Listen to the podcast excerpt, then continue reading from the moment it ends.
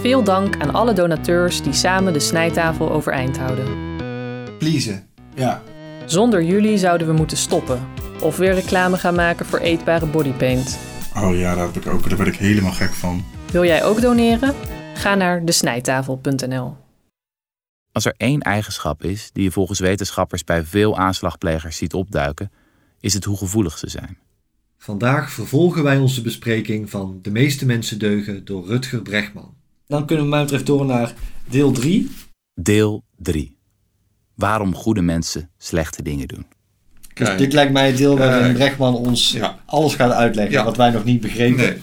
Bregman schrijft: Zo komen we terug bij de hamvraag. Hoe moeten we het kwaad in de mens dan wel verklaren? Hoe is het mogelijk dat de homo puppy, die vriendelijke tweevoeter, de enige soort is die gevangenissen en gaskamers bouwt? In de voorgaande hoofdstukken ontdekten we dat de mens zich kan laten verleiden door het kwaad dat vermomd is als het goede. door andere mensen. Maar die bevinding roept meteen een vervolgvraag op. Waarom is het kwaad daar in de loop van de geschiedenis zoveel beter in geworden? Hoe heeft het ons zover gekregen om elkaar de oorlog te verklaren? Het valt mij op dat het kwaad steeds meer een zelfstandig wezen wordt Ja. dat zich vermomt. Ja. Het kwaad heeft ons zover gekregen. Dus eh, het wordt een soort duivel die ons verleidt. Maar we zijn het zelf. Ja. We zijn het helemaal zelf. Ja. Dat is de nare realisatie, denk ik, dat Brechtman niet aan wil. Ik moet steeds terugdenken aan de woorden van Brian Hare, de puppy-expert, uit hoofdstuk 3. Hij zei: Het mechanisme dat ons de aardigste soort maakt, heeft ons ook veranderd in de vreedste soort op de planeet. In het eerste deel van dit boek werd duidelijk dat dit niet opgaat voor het grootste deel van onze geschiedenis. We zijn niet altijd zo vreed geweest. Tienduizenden jaren lang trokken we als nomaden over de aarde en gingen we conflicten uit de weg. Ja, misschien in de zin dat ze liever naar een andere vallei trokken dan elkaar helemaal uitmoorden, maar er waren waarschijnlijk volop conflicten. We voerden geen oorlogen. Alleen maar als je het hebt over schaal. Niet Ja. in de zin van Ja. vreedheid of Ja. agressie. We bouwden geen concentratiekampen. Ja, ook weer. Dat is een kwestie van Ja. schaal en planning en niet een kwestie van vreedzaamheid en altruïsme. Nee, we bouwden nog helemaal niet. Want Ja. we trokken rond. Ja. Dus eh, er waren geen gebouwen. Ja. eh, waaronder eh, inderdaad geen Er concentratiekampen. waren helemaal geen Er gebouwen. waren Ja. geen gebouwen, nee. Maar wat als Her wel een punt heeft als het gaat over de laatste 5% van onze geschiedenis? Vanaf het moment dat we ons in nederzettingen vestigden. Het kan toch niet toevallig zijn dat het eerste archeologische bewijs voor oorlogvoering ongeveer 10.000 jaar geleden opdook? Het tijdvak waarin we ook het privébezit en de landbouw uitvonden. Hier noemt Brechtman voor het eerst pas echt die 10.000 jaar. Hmm. Hier wordt het pas echt duidelijk, ja, het komt omdat hij zo meandert en, Ja. en herhaalt en steeds hetzelfde op andere manieren opnieuw zegt. Ja. Dat maakt de bespreking ook lastig. Ja. Nou, dan eh, zijn we bij eh, hoofdstuk 10. Hoofdstuk 10. Hoe empathie verblindt. Brechtman gaat in hoofdstuk 10 proberen te ontkrachten dat soldaten van Nazi-Duitsland vochten voor de nazi-ideologie. Dat Hmm. blijkt volgens hem uit interviews van Morris Janowitz. Hm. Wekenlang interviewde de jonge Morris de ene na de andere Duitse krijgsgevangenen. Hij hoorde ze steeds dezelfde antwoorden geven. Nee, het was niet de aantrekkingskracht van het nazisme. Nee, ze dachten niet dat ze nog konden winnen. Nee, ze waren niet gehersenspoeld. Uiteindelijk was er een veel eenvoudigere reden, vertelden ze. Een simpele verklaring voor de bijna bovenmenselijke prestaties van het Duitse leger. Kameradschaft.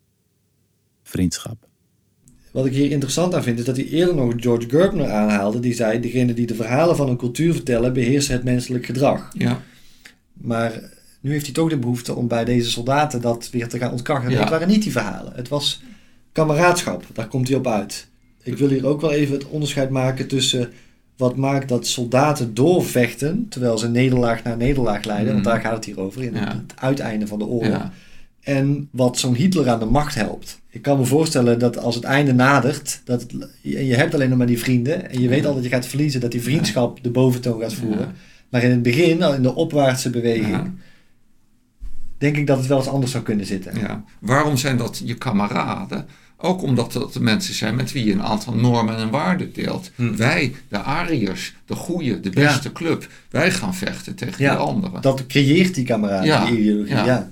Dat is één ding. Een ander ding is Brechtman zegt iets verderop dat de ideologie pas 10 mijl achter de linies begint. Hmm. Dat zal wel waar zijn, want in het vuur van het gevecht heb je helemaal niet uh, de luxe Ja. om je bezig te houden met je eigen denkbeelden en je ideologie. Ja. Dan telt alleen, oh daar is het gevaarlijk, oh hij dekt mij, uh, oh wij kunnen nu samen dit doen. Ja, ja. Uh, als groep zouden we nu Ja. hen kunnen uitschakelen als iedereen meedoet. Dus dan is die kameraadschap is natuurlijk hetgeen wat op dat moment telt. Ja, Kijk, Brechtman doet eigenlijk hier ook weer alsof hij de angel heeft gehaald uit het idiote doorvechten van die Duitsers toen die oorlog al verloren was. Want ze deden om iets heel goeds. Terwijl de kameraadschap, ik zou het zelf veel liever omkeren. Ik zou liever zeggen, als mensen door blijven gaan met vechten, dus met andere mensen doodmaken, Mhm. ehm, alleen maar op grond van kameraadschap, dan is kameraadschap een begrip wat eh, eh, heel erg negatieve, troebele kanten heeft. Ja. Dus eh, het is helemaal niet geruststellend. Het is totaal zinloos geweest dat die Duitsers Ja. niet hebben gezegd: we hoeven Ja, niet ja. nog mensen van onszelf te laten doodschieten, we hoeven niet nu ook nog mensen van de tegenpartij dood te gaan maken. We stoppen ermee. Als de kameraadschap de reden is dat je met zoiets verdorvens doorgaat, dan is kameraadschap dus iets heel verkeerds. ja, En eh, Brechtman komt hier dus niet mee weg. We zeggen niet, oh, kameraadschap. Ja. Nee, dan deugden die mensen. Nee. die deugden helemaal niet. Die waren in ieder geval bezig met iets wat helemaal niet deugde. ja. Ja, dus kameraadschap is blijkbaar niet altijd een moreel goed begrip. Ja. Ja, dat hangt helemaal af van, van wie je kameraden zijn en op wa- waar die kameraadschap op is gebaseerd. Ja. Ja. En misschien is het wel een teken van deugdzaamheid als je tegen je kameraden in eh, durft te gaan, omdat Ja. je ziet dat wat je, waar je kameraden mee Ja. bezig zijn niet deugt. Ja, je kan het kameraadschap noemen. Je kan het ook noemen een geperverteerde vorm van wijsheid. Denk. Ja. Als hij het gaat hebben over die kameraadschap, dan heeft hij het eerst over eh, een onderzoeker, Morris en zijn collega's, moesten de psyche van de nazi's doorgronden. En ik lees hier nu 15 bladzijden verder. De soldaten van de Weermacht vochten in de eerste plaats voor elkaar. Oh ja.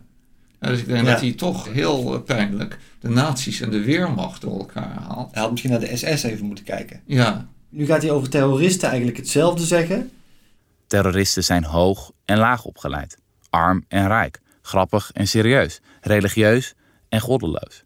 Nou ja, dat religieus en goddeloos stoort me een beetje dat hij dat zo op gelijke voet zet. Terwijl religie zo'n uitstekend instrument altijd is geweest om mensen tot, tot verschrikkelijke daden aan te zetten. Martelaarschap is een zeer religieus begrip dat uitstekend helpt om mensen tot ja, bijvoorbeeld zelfmoordaanslagen aan te zetten.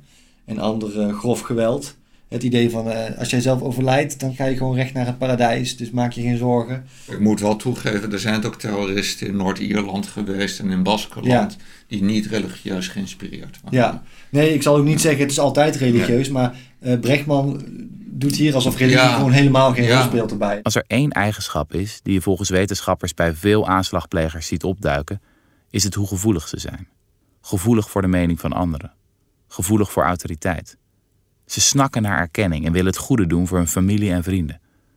Een Amerikaanse antropoloog merkt op: terroristen moorden niet voor een ideologie. Ze moorden voor elkaar. Dat is weinig geruststellend. Als mensen, omdat ze erkenning willen bij hun vrienden, en daarom toe bereid zijn om een bom te plaatsen, bijvoorbeeld in een station in Brussel, waardoor allemaal mensen omkomen en ook nog eens een keer een heel groot aantal mensen de rest van hun leven afschuwelijk verminkt blijft.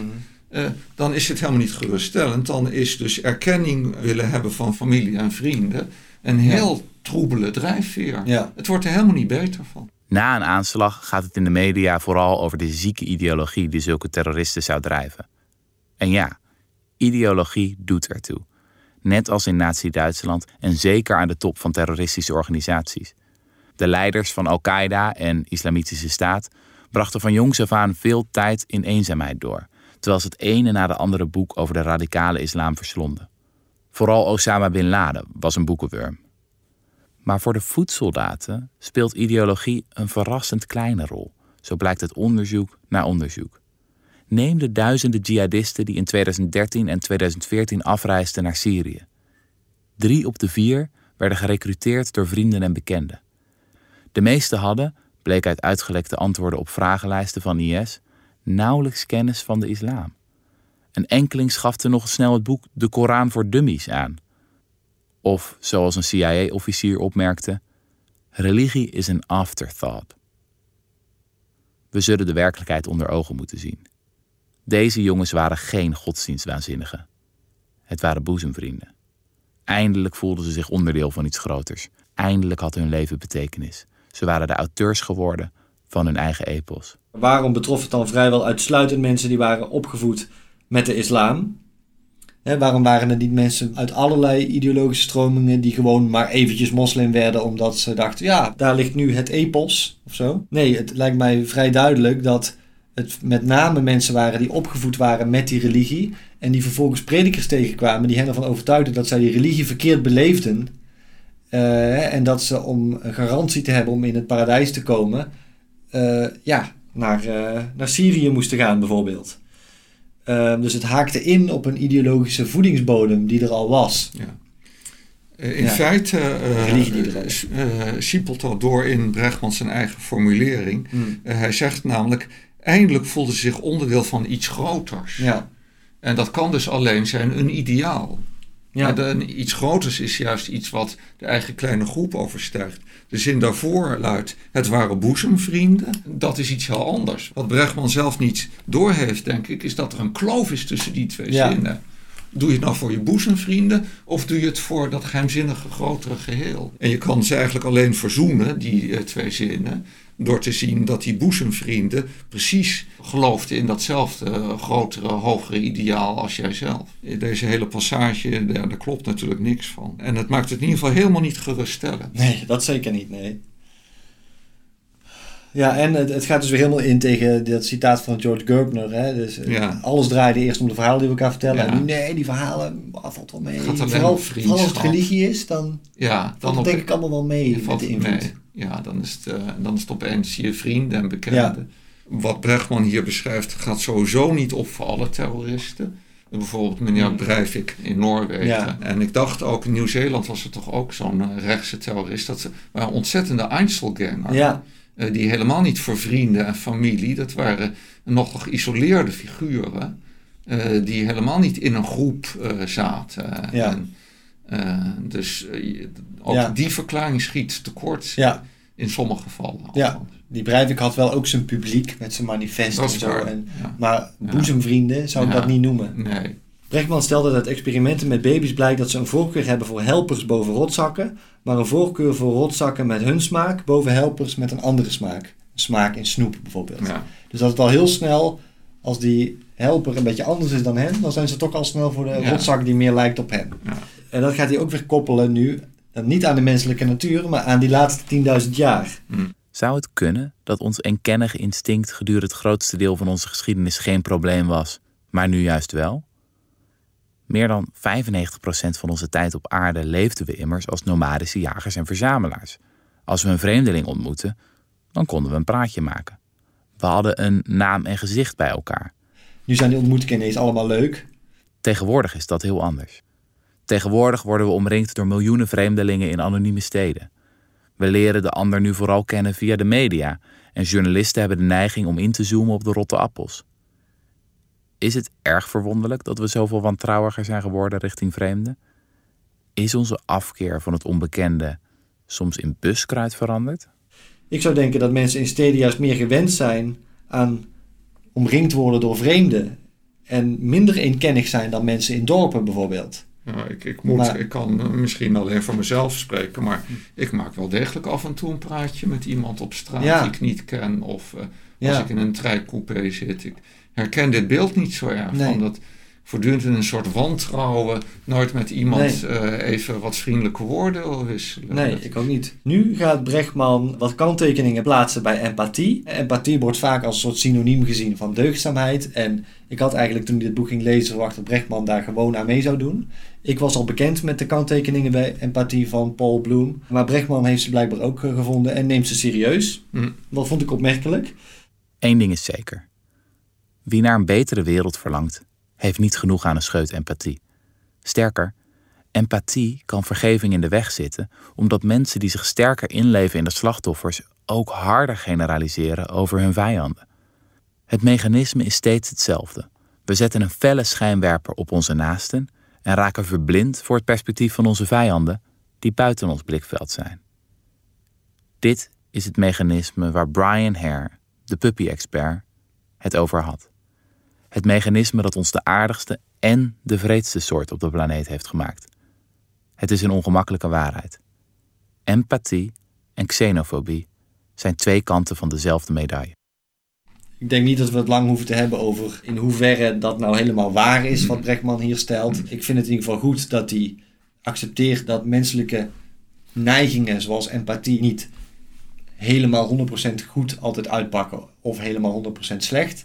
Dat het ingewikkelder zit. Ja. Dat een beetje, eh, voegt een beetje nuance toe. Dat is wel welkom. Ja. En eigenlijk, zonder dat hij het zelf helemaal door lijkt te hebben, gaat dit ook over die soldaten. Die hele hechte kameraadschap, waarbij je dus heel goed in kunt leven in je vrienden. Kan maken dat je tegenover vreemden je heel na gaat gedragen. Terwijl je eigenlijk Ja. eh, meer zou deugen als je Ja. die vrienden een beetje Ja. zou gaan wantrouwen. Als hij nu het gaat hebben over empathie verblind en dat wij dus daardoor eigenlijk te veel gericht zijn op onze groep en te weinig op de anderen, dan is dat volstrekt tegenstrijdig met zijn eh, geruststellende opmerking dat die eh, Duitsers doorvochten omwille van kameraadschap. Dus één van twee. Zie Ja. je, ze Brechtman weer eens weer helemaal in de war. Ja, het is een grote warboel hoor. Ja. Ja, het is ook moeilijk om zelf niet in de war te raken terwijl je hem spreekt. Maar Ja. nu gaan we het hebben over hoe afstand helpt om te doden, letterlijk en figuurlijk. Laten we de doodsoorzaken van Britse soldaten tijdens de Tweede Wereldoorlog bijvoorbeeld eens bekijken. Overig 1%. Chemisch 2%. Ontploffing en verdrukking 2%. Landmijn en booby trap 10%. Kogel antitankmijn 10%. Mortier, granaat, luchtbom, scherf 75%. Zie je de overeenkomst tussen deze doodsoorzaken? Als deze slachtoffers iets gemeen hadden, dan is het dat ze van een afstand werden uitgeschakeld. Doden doe je meestal niet van dichtbij, maar van ver weg. We kunnen de ontwikkeling van de militaire technologie zelfs samenvatten als een proces waarbij vijanden steeds verder van elkaar afkomen te staan. Van knuppels en messen naar pijlen en bogen, van musketten en kanonnen naar bommen en granaten. Ik denk dat die laatste conclusie van Brechtman eh, volkomen terecht is. Natuurlijk zijn we steeds meer op afstand van elkaar komen te staan. Ik denk dat daar een hele goede zelfzuchtige reden voor is. Dat dat niet zozeer te maken heeft met onze afkeer van andere mensen dood te maken. Mhm. Maar het is namelijk veiliger. Hè, Als iemand anders een zwaard heeft en ik heb alleen een zwaard, dan moet ik wel eh, in een tweegevecht naar die ander toe. Ja. Waarbij we allebei de kans hebben het onderspit te delven. Als ik in een schuttersputje lig en ik op een afstand iemand zie die niet goed beschermd is, dan ga ik natuurlijk lekker van een afstand hem proberen te raken. En daarna gaat hij het nog hebben over psychologische afstand. Ja, Naast wapens voor de lange afstand zoeken legers ook naar manieren om de psychologische afstand met de vijand te vergroten. Als je anderen ontmenselijkt door ze bijvoorbeeld af te schilderen als kakkerlakken, wordt het eenvoudiger om hen onmenselijk te behandelen. Inderdaad, daar zou hij wat mij betreft meer aandacht aan moeten besteden. Hier raakt hij ook weer aan het belang van ideologieën en zeker ook van religies, want eh, lees maar eens hoe de Bijbel het over ongelovigen heeft en ook andere heilige boeken. En ik denk ook dat dit bepaalde mensen afschilderen als kakkerlakken veel meer voorkomt dan de vernistheorie. Niet de hele mensheid afschilderen als Ja. kakkerlakken, maar specifiek de mensen waar je vanaf wilt, de mensen waar je een probleem mee hebt. ja. Maar dit is, bij hem is het gewoon één zinnetje dat even passeert. Het boek van Brechtman is nogal rommelig. Eh, vaak dan komt, eh, komt hij op een onderwerp eh, later terug. eh, met, met andere deelaspecten. Nou, hij heeft natuurlijk hoofdstukken eerder gehad over soldaten die zo weinig schieten. Maar nou gaat hij het daar nu weer over hebben dat in de Tweede Wereldoorlog werd er meer geschoten. Maar daar hadden de Duitsers een gemene truc voor. Die lieten hun soldaten een soort drugs slikken, een soort crystal meth, waar je extreem agressief van kunt worden. En in de Vietnamoorlog, zelfs 95% van de soldaten ging daar schieten. En die waren helemaal gemanipuleerd, want die hadden eerst heel veel keer kill, kill, kill moeten Ja. roepen. En dan dan moest ik geschoten worden op doelwitten met, die een menselijk een, silhouet. realis- een beetje realistisch waren. Dat vind ik dan toch eigenlijk niet zo heel erg pleiten voor het standpunt dat de meeste mensen deugen. Dat eigenlijk Ja. maar 10 tot 15 procent wil schieten. En als je een beetje simpel zoals maar kill, kill, kill laat Ja. roepen, dan gaat bijna iedereen schieten. Ja. Nou gaat hij nog iets zeggen over de leiders, want de leiders, hè, daar is Brechtman veel minder enthousiast over. Tot slot is er één groep voor wie het eenvoudig is om de afstand te bewaren tot de vijand. Dat is de groep aan de top.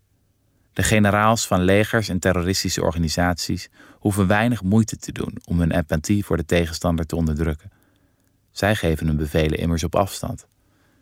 En het fascinerende is, waar de soldaten vaak gewone mensen zijn, geldt dat niet voor hun leiders. Terrorisme-deskundigen en historici wijzen er stevast op dat de mensen aan de top een heel ander profiel hebben. Zo waren oorlogsmisdadigers als Adolf Hitler en Jozef Goebbels duidelijke voorbeelden van machtsbeluste en paranoïde narcisten. De leiders van Al-Qaeda en IS zijn eveneens manipulatief en egocentrisch. Ook zij voelen weinig compassie en twijfelen zelden. Ik denk dat hier toch wel iets snel algemene conclusies getrokken worden. Op grond van een paar leiders. Dan worden Hitler en Goebbels genoemd, ongeveer de twee ergste oorlogsmisdadigers van de naties. Ja. En die zijn dan paranoïde narcisten. Maar geldt het dan ook voor Churchill en Roosevelt? Ja. Uh, en ook Le Bon gelezen. Ja. Uh, je kan toch niet van alle leiders zeggen, ook zelfs die deelgenomen hebben uh, of leiding hebben gegeven aan een land in oorlog, dat het machtsbelust en paranoïde narcisten waren. Ja, per definitie haast lijkt het. En ook interessant dat hij het nou heeft over het onderdrukken van de empathie van de soldaten. Je kunt ook je eigen soldaten drugs voeren om hun natuurlijke empathie en afkeer van geweld af te stompen. En Ja. het hoofdstuk heet Hoe empathie verblindt. Dus is de empathie nou Is het het nou- probleem of is het de oplossing? Ja.